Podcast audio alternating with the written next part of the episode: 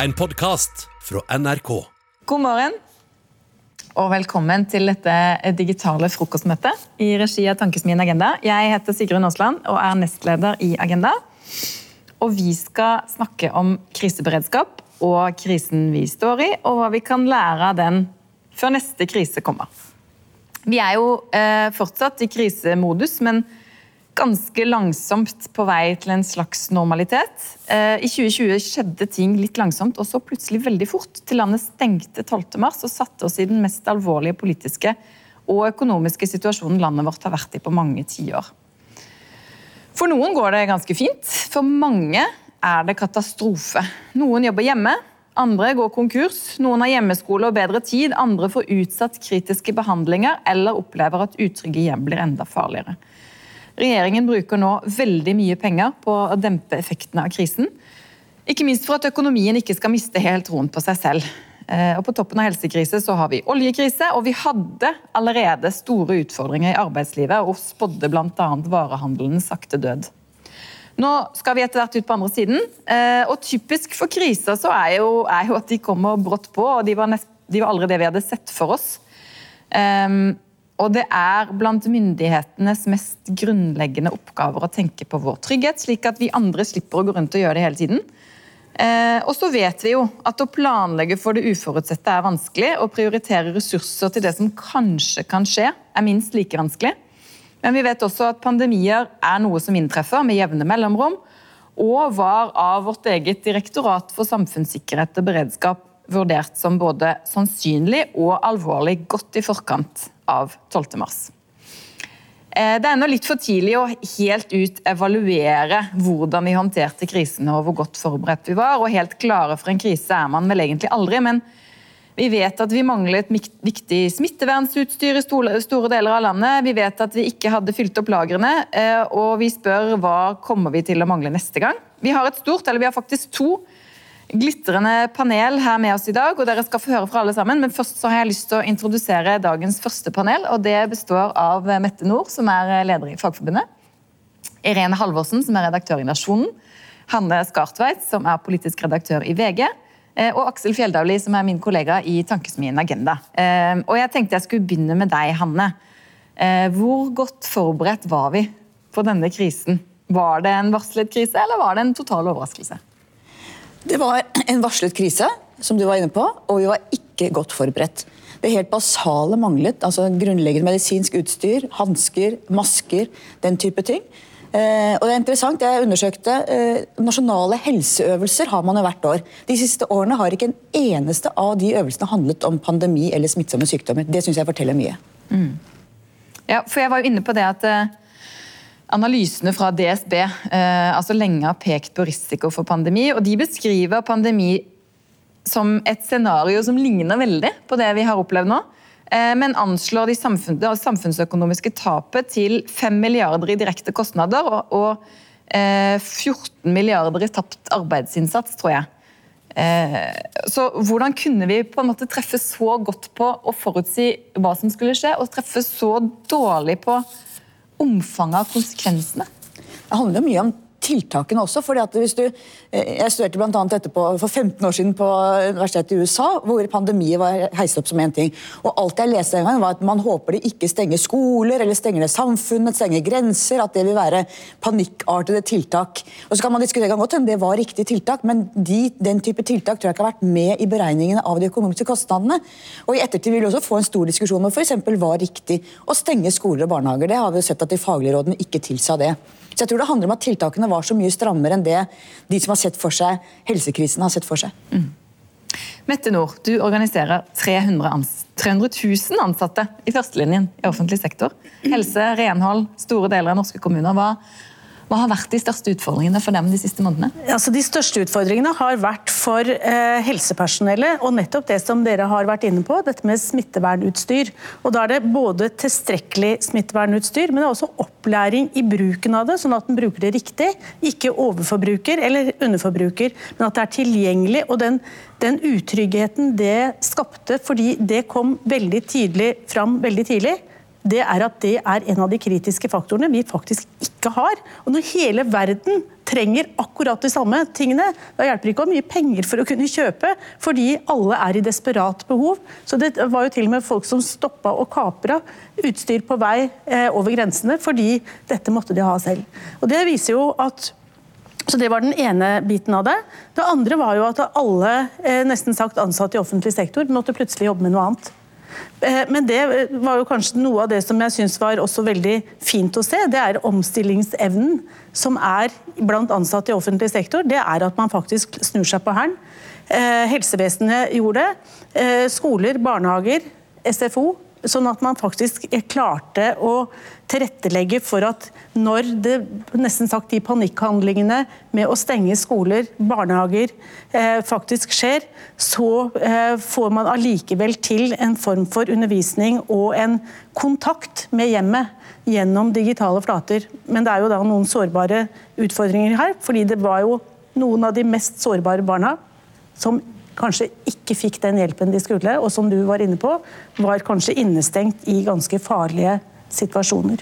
Men jeg vil vel som trekke fram, Det var smittevernutstyret og nødvendige medisiner som også måtte begynne å rasjoneres på. Og Da skjer det umiddelbart panikk, så folk skal hamstre. Eh, og det blir en fordi mangel, og jeg trenger, da, da går det så, så, jeg tenker at det er noe av det, det at vi har vært for eh, opptatt av å slanke ned eh, just in time-prinsippet, eh, og at man ikke har den eh, bufferen for å kunne ta en krise når den treffer, selv om det er vanskelig å innse hvor er den, men de helt essensielle tingene folk trenger, de må vi ha en buffer for. Og vi må også kunne raskt komme opp og øke produksjon, eller eh, ha produksjon for oss sjøl. Mm. Irene, eh, din avis er kanskje spredt på flest steder i, i hele landet. Eh, og så har jo de samme reglene Hanne var inne på at vi stengte skoler og barnehager litt sånn på tvers av det som egentlig også var de faglige rådene. Eh, også i kommuner der det ikke var noe smitte. Kunne vi og burde vi ha differensiert mer, tenker du, mellom, eh, mellom kommuner? Ja, jeg mener det er helt åpenbart. Men hvis vi går litt tilbake, så tenker jeg at det, det er veldig lett å være etterpåklok. Og akkurat da regjeringen eh, stengte ned, så er det, eh, tror jeg, eh, mulig å forstå liksom, beveggrunnene for det. Fordi det var en veldig uoversiktlig situasjon. Eh, der riktignok ekspertrådene spriket mindre enn man kanskje skal få inntrykk av. Eh, men, men, det var uoversiktlig, og man hadde et behov for å ha, ha en opplevelse av kontroll. Og dessuten så var det jo også eh, begynnende begynnende alarmer ute i kommunene om at foreldre begynte å holde ungene borte fra skole og barnehage sjøl. Og det er jo et uttrykk for en frykt i befolkningen som, en, som myndigheten, som regjeringen, måtte ta på alvor. Så det har jeg forståelse for. Det som jeg vel reagerer på, er at det varte så lenge. En ting er at du gjør en veldig sånn akutt tiltak raskt for å få kontroll på situasjonen, men så må du faktisk få i gang analyseapparatet raskt. Hva er eh, liksom de eh, mest sannsynlige konsekvensene, og hva er dette landets komparative fortrinn, for å si det sånn. Og I Norge så er det sånn at eh, til tross for regjeringens iherdige sentraliseringsinnsats, vil jeg si, så bor nordmenn flest fortsatt spredt. I en pandemi så er det et komparativt fortrinn som man kan utnytte. Eh, eh, for atskillige uker siden så var det 92 kommuner hvor det ikke er en eneste påvist koronasmittet. Og ytterligere 120 kommuner hvor det er fem eller færre. Og Det betyr at i over 200 norske kommuner så er det praktisk talt ikke noe smittepress. Likevel så bor eldre fullstendig isolert. Barn har bort, vært borte fra skolen, barna har ikke vært i barnehage. Det virker eh, som altfor stramme tiltak. Og hvorfor er det problematisk? Det er dyrt, det er dumt, det er unødvendig, men i tillegg til alle de tingene, så har du jo litt sånn fra eventyret Det er dumt å rope ulv. Fordi, når det plutselig, fordi vi vet ikke Det kan komme nye oppblomstringer. Du du kan trenge å ha den kapitalen og de verktøyene fortsatt i verktøykassa. Eh, og eh, vi vet at vi høyst sannsynlig, sånn som analysene er fra WHO og andre, så vil vi ikke oppnå immunitet verken nasjonalt eller internasjonalt før en vaksine er på plass. Og det kan være godt ut i 2021. Og da mener jeg at det er rimelig å diskutere eh, hvilke tiltak som gir størst effekt, rett og slett, og største kostnader økonomisk, kulturelt og sosialt. Aksel, eh, i begynnelsen av mars så publiserte du eh, eller vi i Agenda en, en, analyse av vår totalberedskapsevne og pekte på noen svakheter som, som du mente var med på å svekke den generelle beredskapsevnen. Hva, hva, var de, og vil du si at du fikk rett? ja, det er, jo, det er jo som flere har sagt her, det er jo lett å være, være etterpåklok, men jeg har, jeg har, tenkt en del på eh, når jeg satt i høst og ble mørkredd av å lese eh, krisescenarioer fra, fra, myndighetene og ulike rapporter som har kommet opp igjennom. Da var det liksom alt fra kvikkleireskred til eh, ja, alt mulig, og pandemi. Og så skjedde nettopp det. Um, så det um, er ganske tydelig at dette var eh, en varsla krise på mange måter. Men, men, det jeg har gjort da i eh, rapporten, er å gå gjennom en del av de grunnleggende trekkene som er utfordringa i flere deler eh, generelt i beredskapen vår. Et av de trekkene er jo samordning. Det var en kritikk fra 22. juli-kommisjonen. Og er noe som ikke har blitt løst, sier, sier forskninga. Det er fremdeles en, en grunnleggende utfordring i, i beredskapen. Eh, og dette gjøres jo vanskeligere av en del eh, utviklingstrekk i eh, offentlig sektor, når man splitter opp i mindre enheter, deler opp i private enheter. Så er ikke det noe som nødvendigvis i seg sjøl svekker beredskapsevnen, men det gjør det vanskeligere å samordne og koordinere.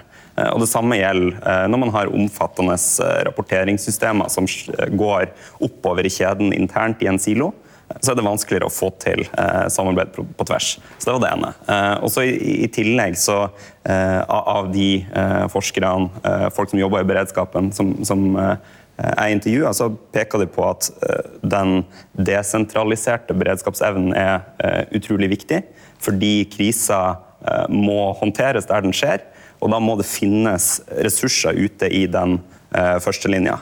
Og der er det betydelige mangler, eh, bl.a. i eh, finansiering av den kommunale beredskapsplikten, eh, i finansiering av Sivilforsvaret, som er rundt omkring i hele landet, brannfolk som gjør stadig flere helseoppdrag. Så det er noen sånne grunnleggende utfordringer som gjelder generelt. Og Hvis vi ser på den krisa som traff oss nå, så er det jo nettopp den kapasiteten som finnes i beredskapsapparatet vårt, er jo grunnen til at vi har stengt ned. Det er jo det taket som vi har prøvd å unngå å treffe, som, som er eh, grunnen til at det har vært så, så, harde tiltak. Eh, og det er klart at Hvis det taket hadde vært høyere, så hadde vi kanskje sluppet unna med mindre eh, alvorlige tiltak. Eller kunne gjort det, i hvert fall. Hanne, eh, hva, er no, hva er det vi har vært for lite opptatt av i beredskapsarbeidet? Har vi lært noe om det? Jeg tror Aller først så jeg tenker på at Vi må huske at vi har klart oss ganske bra. og at Hvis du ser på forskjellen til andre land i verden, det at vi er et velorganisert velferdssamfunn med et høyt utdanningsnivå, med gode ordninger, gjør at vi faktisk kan bære dette. og Det tenker jeg er liksom basen for hele beredskapen. Enten vi snakker om pandemier eller flom eller ras eller noe som helst. Eh, om vi, hva vi har lært til neste gang, var det du spurte om? ikke sant? Ja. Um, jeg tror det må være at du må ha en del grunnleggende ting innomhus vi har gjort oss alt for, hele verden har gjort seg altfor avhengig av Kina. At ett land, et udemokratisk autoritært regime, er de som sitter på det som er av medisinsk utstyr, alle sånne ting, er helt ko-ko. Du må ha felleseuropeiske løsninger for dette. Eh, og også ha en del ting innomhus. Det har vi lært. Og så tror jeg vi må tenke at Beredskap er veldig bredt. Det handler om alt fra kampfly og ubåter til hansker og masker og mat. Eh, så vi må på en måte ha et bredt perspektiv på det. Og så må vi huske at neste krisa blir annerledes. Alle generaler forbereder seg til forrige krig. Vi så etter 22.07. Da ble hele politiet veldig retta inn på kriser. Til, og Det betyr at eh, etterforskning og den type ting led under det. Altså Vi må klare å, å tenke bredt tror jeg, og si at det er mange ulike kriser. Vi kan ikke nå sette alle ressursene inn på at pandemi er det vi skal møte godt neste gang. Vi må tenke bredt. Irene, eh, det, det jeg har lyst til å spørre deg om, fordi neste krise blir jo sannsynligvis noe annet. Og en av de tingene som DSB også trekker fram som høy risiko, er jo eh, ras, flom, skred, alle mulige hendelser som følger av mer ekstremt vær. Eh, hva tenker du om vår lokale kriseberedskap for den typen hendelser? Nei, jeg tenker at Det er sagt veldig mye fornuftig her. at eh, Det overordna er eh, nettopp det som egentlig både Mette Nord og Aksel Fjellavliv var inne i, nemlig at, at god beredskap fordrer en viss kapasitet. Sånn at hvis du tar ned kapasiteten maksimalt til det som er liksom behovet for hverdagen, så vil du nettopp komme i den situasjonen vi er nå, at vi må stenge ned for å sikre at det ikke overforbrukes kapasitet, sånn som man gjorde på sykehusene. ikke sant? Sånn at, hele, sånn at Jeg mener jo at en veldig veldig viktig diskusjon i etterkant av dette er nettopp ikke bare at det ender der med at smittevernberedskapen må bli bedre, men vi er nødt til å komme dit med, med liksom, hvor er vi sårbare? Så tilbake egentlig til sårbarhetsutvalget og til analysene av liksom beredskap i bredt. Da. Ja, politi og forsvar, helse, men også mykere samfunnssektor. Matforsyning, men også byråkrati. Som jo liksom i offentligheten eller i valgkamper gjerne blir sett på som litt, eh, liksom litt utskjelt, men som er en veldig sentral del av det å ha kapasitet da, til å tenke det utenkelige. Uh, og så tror jeg veldig enig med Hanne Skartveit i at en, en, grunnleggende analyse av avhengigheten av Kina på så mange områder, det er nødt til å komme. Det er nødt til å komme nasjonalt, det er nødt til å komme nordisk, det er nødt til å komme europeisk. Det er uh, naivt å tro at verdens rikeste mann, Alibaba-gründeren, stiller opp her liksom i ren uh, goodwill. Eh, når han stiller opp og gjør eh, medisinsk utstyr og, smittevernmasker tilgjengelig og poserer, eh, så er det en del av en kinesisk strategi. Det tror jeg er lurt å ha med seg. Og så har Jeg tenkt som så at jeg ønsker meg vel egentlig en slags alternativ Pete Hine-innstilling. nemlig så Pete Hine skrev 'Grukket ting tar tid', og jeg tror at vi må, må tenke liksom tillit og trening, og tverrsektorielt. Eh, eh, hvorfor fungerte sykehusene og helsevesenet så godt under 22. juli-krisen? Jo, fordi de trener. De trener og trener og trener. Vi må, trene på det vi må tenke det utenkelige, og vi må trene på det utenkelige. Eh, så tror jeg at tillit i alle deler av disse spisse sektorene er nødvendig, sånn at folk tør å ta beslutninger når, en, når tida går fort, og, og, og krisen er et faktum. Uh, og tverrsektorielt, det var jo Aksel inne på, det tror jeg er veldig sentralt. At hvis du skal få, hvis én og én skal bli tre, så må du få disse ressursene til å finne hverandre på tvers, som jo også Gjørv-kommisjonen snakket om i etterkant av 22.07. Hanne, jeg ba om en kommentar på det. Men så må vi også huske at livet skjer ting skjer. Hvis vi på en måte skal preppe opp alle deler av offentlig sektor til å kunne møte enhver krise, så er oljefondet vårt borte sånn. Og da får vi et offentlig forbruk som, ikke, som ikke er bærekraftig. For Vi skal også ha et privat næringsliv, vi skal ha eh, en økonomi som fungerer. sånn at Vi kan ikke være forberedt på alt, men vi må sørge for å ha en grunnberedskap på plass. Men sant, OECD er jo ikke en veldig radikal organisasjon som ønsker en, en, over, en kjempestor offentlig sektor, men selv OECD mener f.eks. at helseberedskapen i Norge er altfor lav. Eh, mener at eh, man bør ha en kapasitet på 93% og Norge er nede på 85 Sånn at det er jo, det er jo, Jeg er helt enig i det at man ikke kan ha en, en offentlig sektor som er eh, eh, over alle breddegrader, liksom. Men, men, å ha en kapasitet som er noe over det som er daglig drift, er nok nødvendig for å ha god beredskap. Mette, hva tenker du vi må, vi må se fremover? Hva må vi lære? Ta med oss til neste krise som blir annerledes? Nei, altså jeg tenker at det, er, det å ha en sterk og robust offentlig sektor er selve grunnlaget. Det å sørge for at kommunene har nødvendige ressurser til å eh, nettopp legge inn eh, kriseberedskap i planverket sitt. Fordi det er ikke bare pandemier, det er ras, det er andre, andre kriser som kommer, eh, og som kanskje ikke får det store nasjonale omfanget, men, men som rammer der det rammer. Så det er, eh, og det er forskjell på å ha en eh, god og solid offentlig sektor fra at den er overdimensjonert. Vi har mye å gå på. Vi har vært gjennom ABE-reformer som har truffet staten eh, og statlige etater, men den har også ramma kommuner og sykehus, fordi det har vært det samme nedtrekket for overføringene til sykehusene og til, til kommunene. sånn at her har på en måte det vært en, en prioritert oppgave fra regjeringa, og det må vi komme vekk fra. Eh, og så ser vi jo eh, også at eh, i forhold til smittespredning, hvis vi tar denne, dette eksempelet her, så er det store omfanget av deltid blant helsepersonell som da er tvunget til å jobbe på mange forskjellige steder, som da enten ved å være smitte sjøl kan bringe det videre til eh, andre.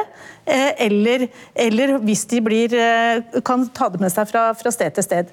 Det er den ene biten som vi må lære, at heltid vil redusere både smittefaren, men vil også øke kunnskap og kompetanse og kontinuitet. Sånn at vi har, bygger opp det. Så det må vi gjøre. Vi må ha en god, solid offentlig sektor. Så må vi videreutvikle trepartssamarbeidet.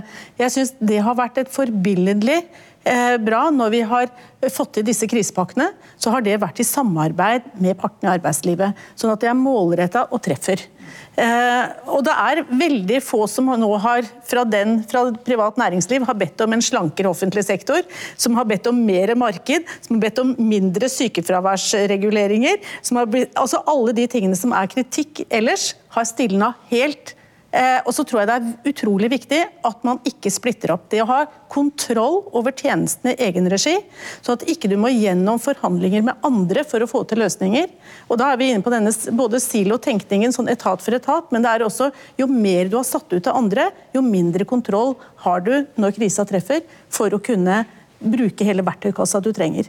Eh, det jeg synes at de, det vi har sett nå, er at det er kort vei fra beslutning til gjennomføring Eh, der, og der du har tingene inside, så, så får du det til. altså. Og så må vi også lære at Tillitsvalgtes kompetanse er viktig å ta med inn i kriseberedskapen. Eh, både i eh, fylkene, men også i kommunene. Det er mange som har gjort det, men det er mange som ikke har gjort det. Men det fungerer veldig bra, fordi når du skal ha forståelse for hvorfor du må gjøre endringer i organisasjonen, så eh, er det mye enklere å få det gjennomført, fordi det er forankra i alle ledd. Så Det er også en, det er mye, mye kompetanse i det. Eh, mat, vann, beredskap. Eh, vi må altså ha noe på lager. Eh, sånn vi, Ellers så må vi i hvert fall ha kontroll på at vi kan få produsert det vi trenger, når vi trenger det. Eh, og at ikke det eh, skal gjennom her også et system, og vi er avhengig av noen som egentlig kan bare skru igjen krana og sitter og har makt over helt nødvendige ting for befolkningen. Irene, du skal få kommentere det, og gjør det gjerne til en kommentar til politikerne som kommer etterpå. Ja, ja, gjerne det. Eh, fordi nå går vi Fra høsten av så går vi på en måte inn i den lange valgkampen, og det, er, og det tror jeg kan bli veldig interessant for ordskiftet. Da. For jeg tror at i et land som Norge, der vi jo, eh, altså Norge er jo en veldig eh, vennlig og fredelig avkrok i verden, og jeg tror at det er litt av toneangivende også for politisk debatt knyttet til beredskap. For vi har ikke den, liksom, eh den følelsen i befolkningen om beredskap, behovet for det. ikke sant? Vi føler oss grunnleggende trygge, som jo er veldig bra. Ikke sant? Beredskap er dyrt. Beredskap er kjedelig. Beredskap er noe du liksom oppdager at du trenger først når den ikke er der. Eh, som en annen kommentator sa, sånn, beredskap er en budsjettpost som er besnærende å kutte i når sola skinner. Eh, det tror jeg er liksom viktig for politikerne å huske på. at ja, det er liksom, Du får ikke rød løper, og det er ingen snorer å klippe, men det er utrolig grunnleggende hardt viktig hverdagsarbeid for å ha det når vi virkelig trenger det. Så det er, eh, det er liksom beredskapsarbeid. Det er for politikerne som virkelig vil være utholdende over tid. Da skal jeg bare få si tusen hjertelig takk til Mette Nord, Irene Halvorsen, Hanne Skartveit og Aksel Fjelldavli. Vi skal bytte ut eh, panelet. Og eh, ønske velkommen nå til Hårek Elvenes, som er stortingsrepresentant for Høyre. Lene Vågslid, også stortingsrepresentant, leder i justiskomiteen på Stortinget. Og Liv Signe Navarsete, stortingsrepresentant for Senterpartiet. Jeg tenkte jeg skulle begynne med deg, Hårek Elvenes, siden du på en måte representerer regjeringen her i dag. Eh, jeg var inne på at eh, DSBs analyser lenge har pekt på risiko for pandemi som, som høy, og, WHO har gjort det samme. Eh, og treffer veldig godt på eh, pandemi som en, et mulig krisescenario, men, men, undervurderte jo konsekvensene av hvordan denne krisen skulle treffe oss. Hvorfor, hvorfor tror du det skjedde? Nei, Jeg aksepterer jo ikke helt premisset i, i spørsmålet. Eh, at pandemi kunne være et aktuelt krisescenario, det er vi jo blitt fortalt gjennom bl.a. den undersøkelsen du viste. Og Måten vi har håndtert denne krisen på, viser jo også at vi må ha gjort en del forberedelser i forkant for å egentlig kunne ha håndtert det såpass bra som vi har gjort. Og Det har jo sammenheng med at vi har et planverk, vi har øva, vi har eh, endra bistandsinstruksen. Det er enklere nå å få f.eks. støtte fra Forsvaret til eh, andre offentlige etater i en krise, og diverse andre forbedringstiltak. Men krisen har jo avdekket noen mangler. Eh, og Det må man jo lære av. Og det vil komme nye kriser som vil vise at vi eh, ikke var eh, totalt forberedt. Og som det er sagt her av de andre debattantene, så er det jo to ting som mm, er blitt avdekket som svakhet. Det ene er jo smittevernutstyr. Og det andre er jo at vi har ikke et tilstrekkelig stort nok nasjonalt lager av en del kritiske legemidler. Men også det var jo avdekt før krisen. fordi at i fjor høst så sendte regjeringa ut en ny lov på høring om eh, medisinske beredskapslager. Og Der var den problemstillinga adressert. Så vi var delvis klar over det, men det er jo for så vidt blitt uh, mer konkretisert gjennom den krisen vi har vært gjennom. Så um, uh, takk og pris. I det store bildet så har dette gått bra, men vi har absolutt ting vi må ta ad notam og lære av. Lene Vågslid, eh, det har blitt sagt av flere, det var mange vanskelige avveininger som ble tatt, eh, bl.a. 12.3, og det er lett å være etterpåklok. Men hva tror du ville sett annerledes ut hvis det var du som var justisminister? Eh, jeg tror ikke håndteringen 12.3 ville sett veldig annerledes ut om, om det var jeg og ikke Monica Mæland som sto der den dagen. Eh, nå vil det vel kanskje ha litt å si hos mange justisministre jeg hadde hatt foran meg, da, og mange det hadde vært de siste åra osv. Men det er jo politikken som, som avgjør en grunnleggende del av hvordan du håndterer ei krise. Og jeg tror hvis vi tenker litt på det panelet som vi hørte på i stad, så, så ville det vært bedre kapasitet. Det ville ha vært bedre kapasitet i eh, politiet altså den lokale beredskapen rundt om i landet. Og ikke minst så ville jeg, hvis jeg hadde vært justisminister den 12. mars, hatt en totalberedskapskommisjon og lent meg på. For uh, i 2018, for to år siden, så foreslo uh, Senterpartiet og Arbeiderpartiet at det burde ha blitt satt ned en totalberedskapskommisjon. Nettopp nettopp fordi at vi er nødt til å se på beredskapsarbeidet i det breie. Alt ifra natur, flaum, ras, terror, pandemi osv. Den gangen i 2018 så mente regjeringspartiene at en slik totalberedskapskommisjon var helt unødvendig. Og Det er jo ganske oppsiktsvekkende å tenke på eh, i dag. Eh, så det tror jeg hadde utgjort, slik sett, kunne utgjort en forskjell. For jeg tror vi skal være rimelig ydmyke på, i det tidspunktet vi er i nå, med liksom å dra konklusjoner og evaluere hele krisa.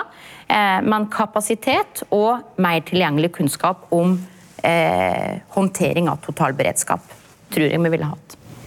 Liv Signe Navarsete, var vi godt forberedt? Eh, og hva kunne vært bedre? Nei, vi var vel ikke godt forberedt. Altså, siste gang uh, vi hadde en forsvarskommisjon, som det het før, det var i 92. Um, og Senterpartiet fremma jo da i 2018 et forslag om en totalberedskapskommisjon, som òg Arbeiderpartiet da støtta i Stortinget. Og Det var jo nettopp fordi at vi etter 92 har hatt både et terroråtak og vi har hatt et forsøk og senere nå på, på terroråtak. Og vi har hatt uh, pandemier, altså svineinfluensaen, det har vært forskjellige Og det har vært, ikke minst, da, som det var referert til tidligere òg, fra, fra ja, SSB, referert til, altså det har vært sagt at det kommer til å komme en pandemi igjen. I tillegg så har vi en helt annen sikkerhetspolitisk situasjon, eh, som også gjør at det er andre trugsmål som, som, kan ligge der. Så Derfor er det viktig at vi går gjennom hele, hele, beredskapen. Det har ikke blitt gjort. og Det har heller ikke vært på dagsorden. Det har vært Etter terroråtaket så, så ble det en endring i politiet, selv om det var vel egentlig ikke det eh, som ble tilrådd av den eh, kommisjonen som var nedsatt. Det var mye annet de pekte på, kultur og, og utstyr og sånn. Men det ble iallfall en omorganisering og en sentralisering av politiet som ble gjort. Jeg tror ikke det fremmer beredskapen lokalt. Jeg tror faktisk det virker mot sin hensikt. Eh, jeg sier Heimevernet, som òg har vært delvis sentralisert, de jobber jo veldig nå med å desentralisere alle sine lager, få de ut igjen, sånn at det er rundt der folk bor i, i hele landet. Ehm, så den sentraliseringa som har vært, tror jeg har virka mot sin hensikt. Og så var vi heller ikke godt nok budd. Vi hadde ikke smittevernutstyr. Ehm, det sier vi i dag òg. Jeg har en nevø som jobber i Trondheim kommune. De må gå med samme munnbind sånn hele dagen. Ikke sant? De har ikke visir når de står hele dagen og tar eh, koronatester. Så vi er jo ikke oppe å gå eh, fordi at vi har avvikla lager. For å spare penger, selvsagt. At eh, det er som du sa, i solskinnsdager er det lett å kutte på de tingene. Kornlageret er avvikla. Vi vet at store eksportene for korn kutter sin eksport fordi at de ville prioritere sine egne innbyggere. Selvsagt. Så vi stolte for mye på den globale handelen. Og at vi har penger og vi kunne kjøpe oss ut av enhver krise. Den tror jeg har fått en knekk nå. Eh, sånn at jeg tror nå er det både en vilje til å se på at vi må ha beredskap av viktige medisiner, av smittevernberedskap, vi må se på hvordan matforsyningen er, og vi må se på logistikken òg. Altså at, at, vi sikrer oss at vi har den logistikken som skal til hvis det skjer en krise. Og så må en se på hvordan dette kan selvfølgelig styres nasjonalt, men, men, det er jo lokalt det må skje. Så det som skjer i kommunene er jo veldig veldig viktig, og det som skjer også i fylket, som fungerte veldig godt før regionreformen som kanskje ikke fungerer akkurat like godt i, i dag. Etter, spesielt i de store fylkene. Elvenes, er du enig i innvendingene fra kollegene dine? Nei, Det var jo litt av hvert å gripe fatt i, så jeg må bare forsøke å gjøre det veldig veldig kort. Når det gjelder politireformen, det største ankepunktet mot politireformen er jo at den skulle ha kommet veldig veldig mye tidligere. For Det sto jo svart på hvitt i diverse analyser at selve organiseringa av norsk politi var et hinder til utvikling av et bedre politi. Nå er det blitt 2800 flere politistillinger siden eh, vi overtok. Eh, og den siste befolkningsundersøkelsen viser jo at befolkningens tillit til politiet er økende. Så hører jeg at det lanseres diverse kombinasjoner som skulle vært nedsatt. Eh, det er jo ingen tvil om at 22.07. var en ytre hendelse som påvirka beredskapstankegangen i Norge. Det sa jo også Jens Stoltenberg. Selve beredskapstenkninga var ikke på plass. Og det har jo sammenheng med at eh, vi hadde jo et totalforsvarskonsept i dette landet under den kalde krigen, der man kunne sette hele landet på krigsfot. Eh, der alt av samfunnets ressurser skulle brukes i en beredskapssammenheng. Den tenkninga forvitra jo. Planene ble jo lagt i, i, skuffen. Og de menneskene som hadde dette inne, de eh, er jo pensjonister. Så alt det der, måtte tas opp på nytt. Og det er tatt opp, og i løpet av 2020 så skal jo dette planverket være implementert og man øver eh, også etter det. I 2016 så kom det jo en samfunnssikkerhetsmelding, og nå kommer det jo en ny samfunnssikkerhetsmelding. Og den meldinga eh, tar jo opp veldig mange av de eh, utfordringene som er nevnt av mine to eh, meddebattanter her, og har vært jobba systematisk med. Og det er ingen tvil om, og det har ikke bare med at det er nye folk i regjeringskontorene, det har med en del ytre hendelser å gjøre. 22.7., den sikkerhetspolitiske situasjonen, Russlands sitt aggressive fremferd og annektering av Krim. Alle disse hendelsene har vært med og tvinga fram beredskapstankegangen på nytt, og hele totalforsvarstankegangen. Eh, at vi hadde stått bedre rusta nå enn pandemi hvis de rød-grønne hadde styrt, det er jo en ren hypotetisk eh, påstand som man aldri vil få svar på. Men man kan i hvert fall dokumentere at denne regjeringa har jobba meget systematisk med det som har med beredskap å gjøre, innenfor alle typer sektorer. Og det tar altfor lang tid å ramse opp alle tiltakene som er gjort, men f.eks. alle tiltakene i Gjørv-kommisjonen er jo fulgt opp, annet. Og så, hvis jeg blir utfordra, så kan jeg selvfølgelig levere lista over konkrete tiltak er gjennomført, men da vil vi nok holde på til lunsj. Lene Vågsen. Ja, ja, altså, Regjeringen har gjort mye bra og riktig i denne krisa. Men jeg syns det er litt vel eh, veldig sjølfornøyd nå, Elvenes. For hvis en ser på f.eks. Gjørv-kommisjonen, som du nå inviterer til, så sa den at den viktigste beredskapsressursen i landet den blir utgjort av det lokale politiet. Og Hvis en ser på eh, anbefalingene fra Gjørv-kommisjonen i forhold til Høtt, eh, som Navarsete er inne på, at en reform skulle føre til, så er vi ikke lykkes særlig godt der. Eh, jeg mener I et totalberedskapsperspektiv så er det en stor svakhet at vi ikke har evna å styrke den lokale beredskapen rundt om i landets kommuner. Eh, både når det gjelder politi, er jo innenfor for helse. Jeg mener Mette Nord i Fagforbundet er et veldig viktig poeng. Når det gjelder ansatte i eldreomsorgen, heltid, eh, bruk av vikarer osv. Det å se på totalberedskap i f.eks. én kommune går på tvers av så mange sektorer. Og der er privatisering, der er sentralisering, og der er òg mangel på vilje til eh, overføring av nok ressurser, rett og slett, gjør oss svakere.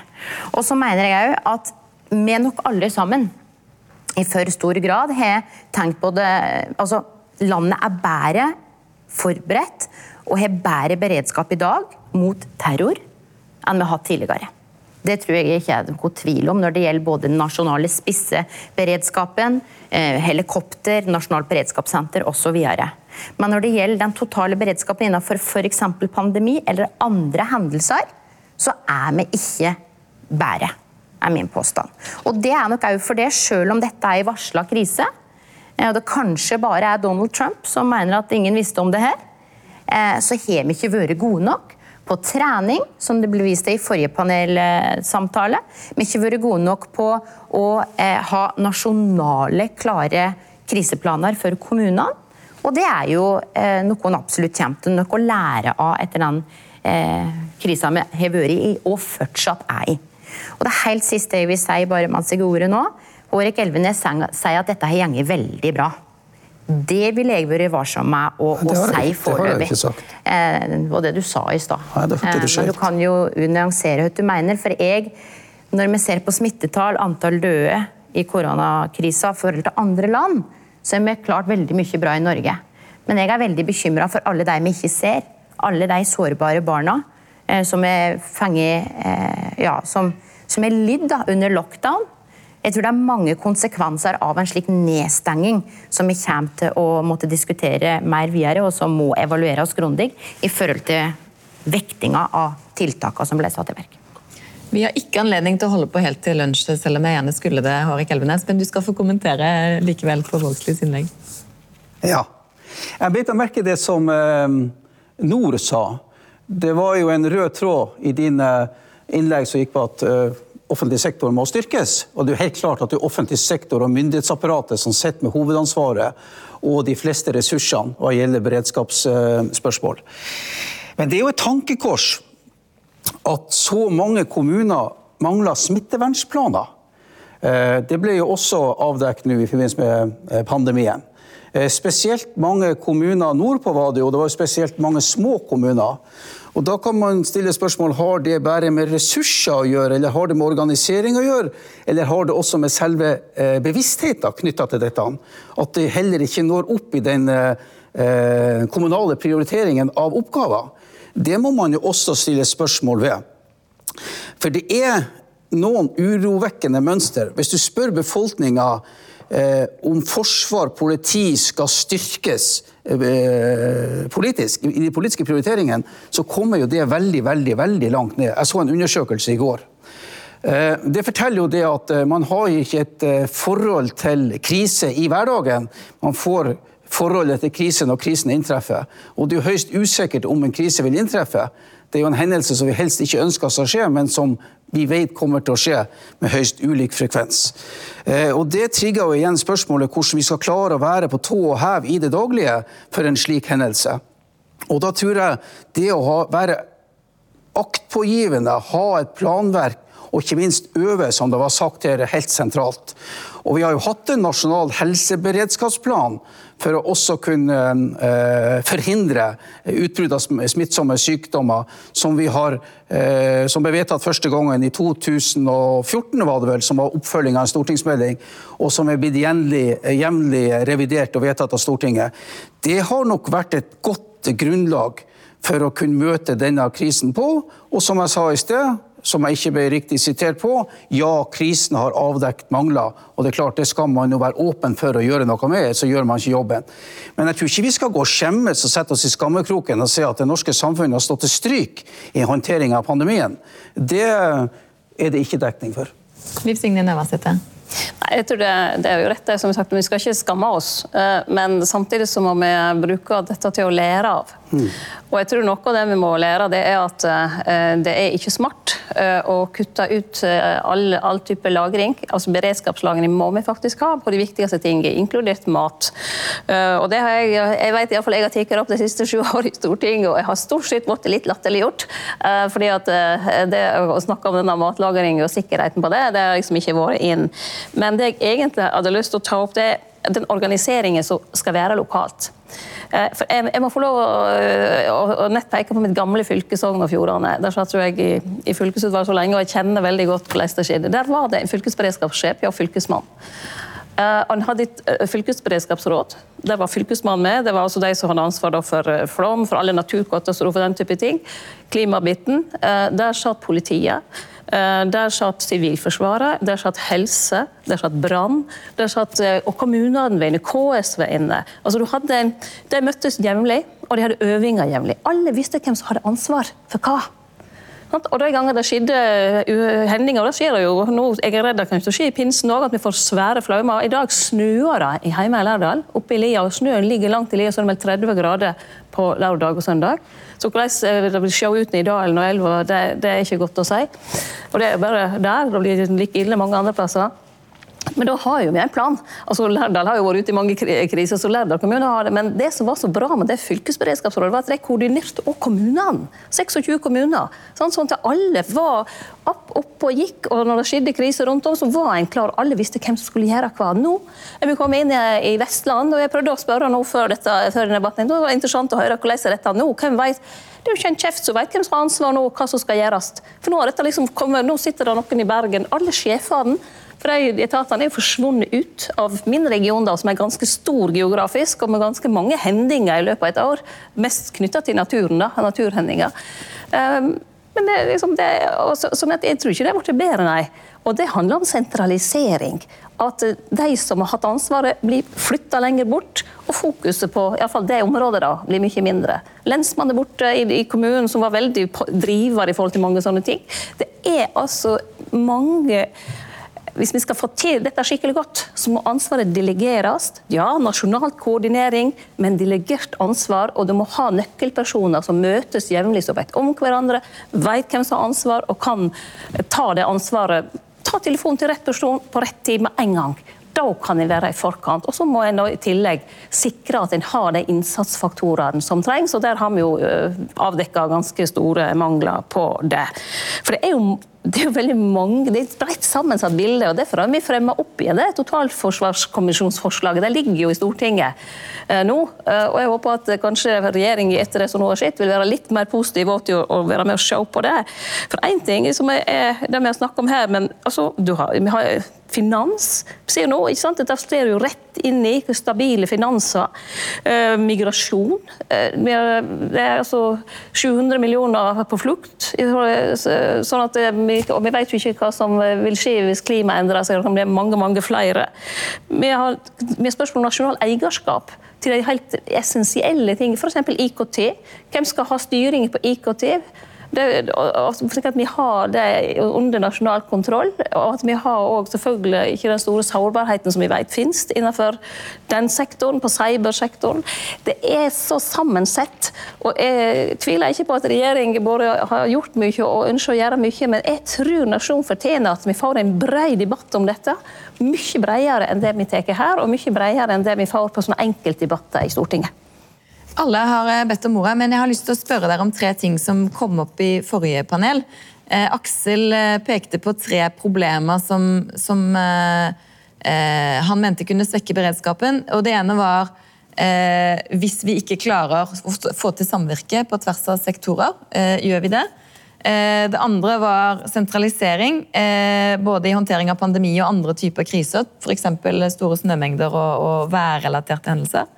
Eh, Og det tredje var dette som vel du var inne på nå med eh, blir vi mer sårbare når offentlige etater splittes opp i ulike enheter, eller eh, tjenester konkurranseutsettes? Så Der tipper jeg dere har ulike meninger, men jeg begynner med Lene Vågslid.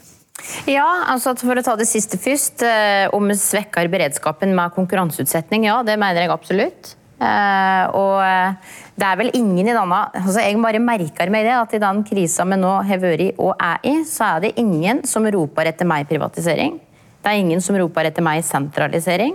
Og vi ser jo òg nå eh, at eh, eh, for mange ledd, da, for mye bruk av det vi kaller for New Public Management osv., heller ikke er en fordel. Eh, Så det vil jeg eh, påstå at i en krise ser du det enda tydeligere.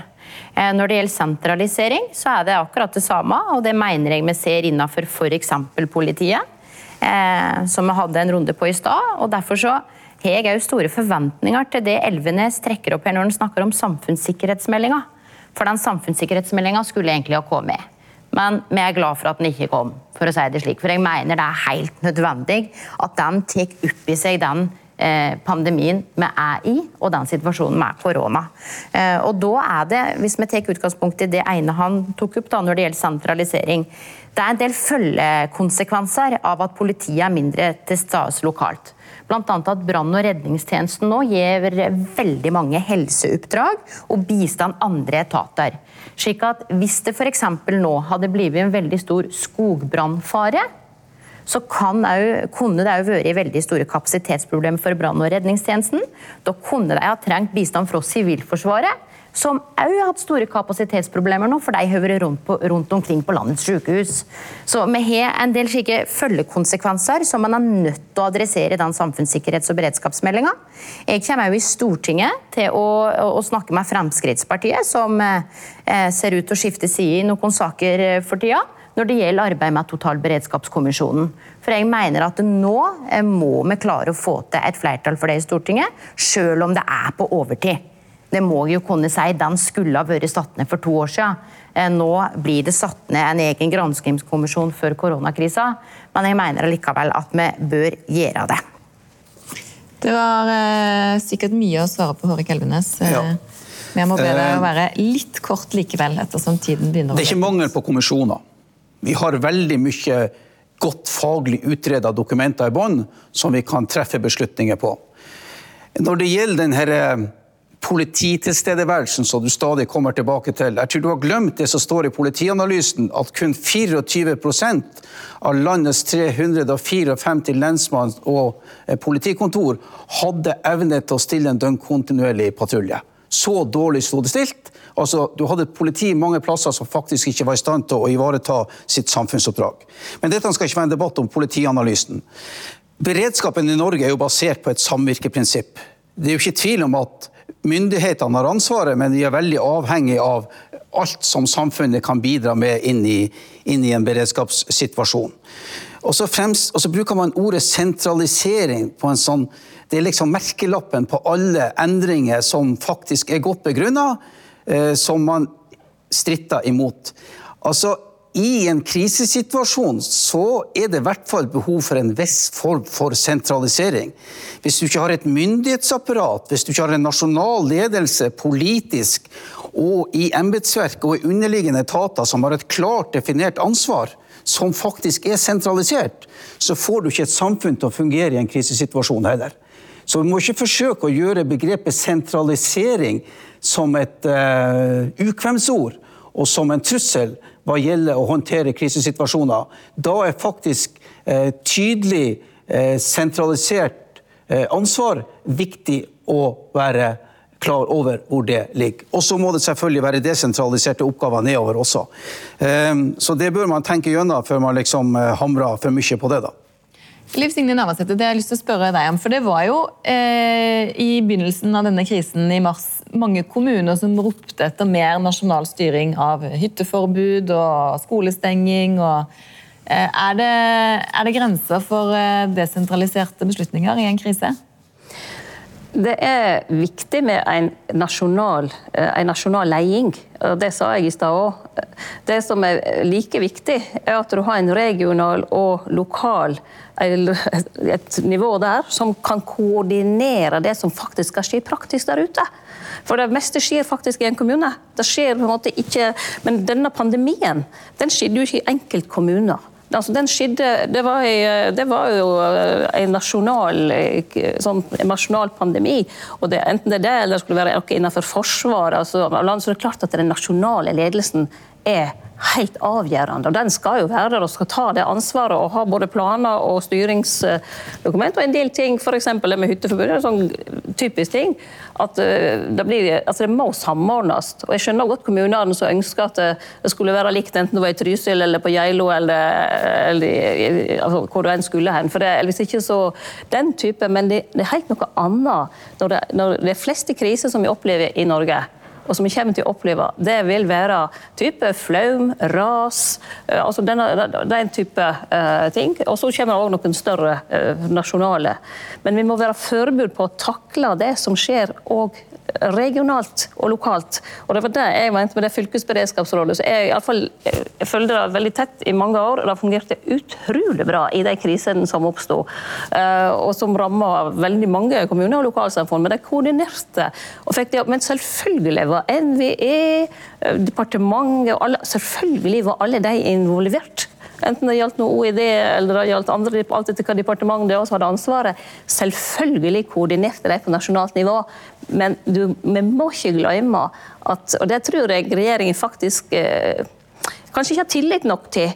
At det er å ha dyktige folk som kan ta det ansvaret og sikre koordinering, vite om hvordan gjøre de riktige tingene raskt når ting skjer lokalt, det er kjempeviktig i dette landet. her, og der, Det må vi gå igjennom og se hvordan det er. Jeg tror ikke den statusen, statusen er helt oppe der den burde være. Altså det, jeg tror ikke det er så bra som det bør være i dag. Det må gjøres noe med, for det er avgjørende for liv og helse. Vi skal begynne å gå inn for landing. Jeg har lyst til å utfordre dere alle tre på veldig kort eh, og eh, oppsummere det ene grepet dere tenker er aller viktigst frem mot neste krise. Eh, og Du kan få begynne, Liv Signe. Ja, Da spørs det hva krise som kommer. For det, Den krisa som kommer, blir helt sikkert ikke sånn som den forrige. Sant? Og det er litt viktig å tenke. Akkurat som Den krigen som måtte komme, aldri bli slik som den krigen som du, som du hadde. Eh, så, så, Derfor så må en bu seg på et bredt spekter. Eh, og Derfor er det forslaget vårt om en totalforsvarskommisjon som, som ser på ulike samfunnssektorer og, og analysere hvordan vi skal være beredt, alltid beredt som det heter i speideren, på, på, de ulike sektorene. Selvfølgelig et, et mye sterkere nasjonalt forsvar enn vi har i dag. Eh, men innenfor helse, det å kunne ha både produksjon av de viktige medisiner, det som er mulig, og ikke minst å ha lager smittevernberedskap, for pandemier kommer til å komme igjen, det er helt sikkert. Vi ser jo òg at uh, antibiotikaresistens, hva det påvirker. Så det er òg å tenke hvordan maten vår kan sikres. Uh, og det er jo interessant nå da, at folk som jeg aldri hadde trodd skulle ta til orde for norsk matsikkerhet, plutselig nå er på banen og sier at nå, må vi, nå, må vi, gjøre noe helt annet enn bare å lite uh, at vi skal kunne importere til alle tider. Um, så, så Derfor så er ikke det ett enkelt tiltak du kan peke på for det er faktisk slik at vi lytter bu oss på ulike sektorer. Men det vi etter denne pandemien har sett, det er iallfall medisiner, smittevernberedskap, organisering innenfor helse og, og, og det forebyggende arbeidet. Også at en har folk med nok kompetanse og sikre oss det. Og så kommer vi tilbake da, til mat og vann, og det er helt grunnleggende vi, og logistikk, at vi vet at befolkningen blir tatt i vare i ulike kriser på det. Jeg prøver meg igjen. Hørik Elvenes, ja. har du én ting vi skal ta med oss? Punkt én. Ajourføre planverket basert på de siste erfaringer. To. Øvelse, øvelse, øvelse. Og da mener jeg øvelse mellom flere etater. Forsvar, politi, helsevesen og flere.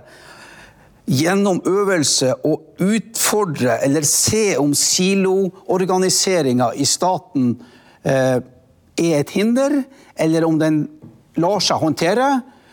Og avdekke gjennom øvelser hvilke mekanismer man må ha for å få dette til å fungere. For der kan ligge en utfordring. Men øvelse, øvelse, øvelse. Det tror jeg blir viktig fremover. Lene Vågslid, du får 20 sekunder. Ja, Vi må bygge kapasitet. All over. På alle flater så handler det først og fremst om folk. Om kapasitet. Og så handler det om sikkerhetsnettet. Det har vi ikke snakka så mye om i dag. Men for alle som er gjennom ei krise, som nå er permitterte, som nå trenger ordninger fra fellesskapet, så håper jeg at eh, fellesskapet blir sterkere, at sosialdemokratiske kjerneverdier får styre velferdsstaten framover. For det er det vi trenger både i gode tider og i krisetider. Tusen positivt. takk. For det fellesskapet Vi må dessverre er runde av, men jeg vil si tusen takk til dere alle sammen som kom i dag. Tusen takk til alle dere som så på. Vi ses snart igjen. Du har hørt en podkast fra NRK. Hør flere podkaster og din favorittkanal i appen NRK Radio.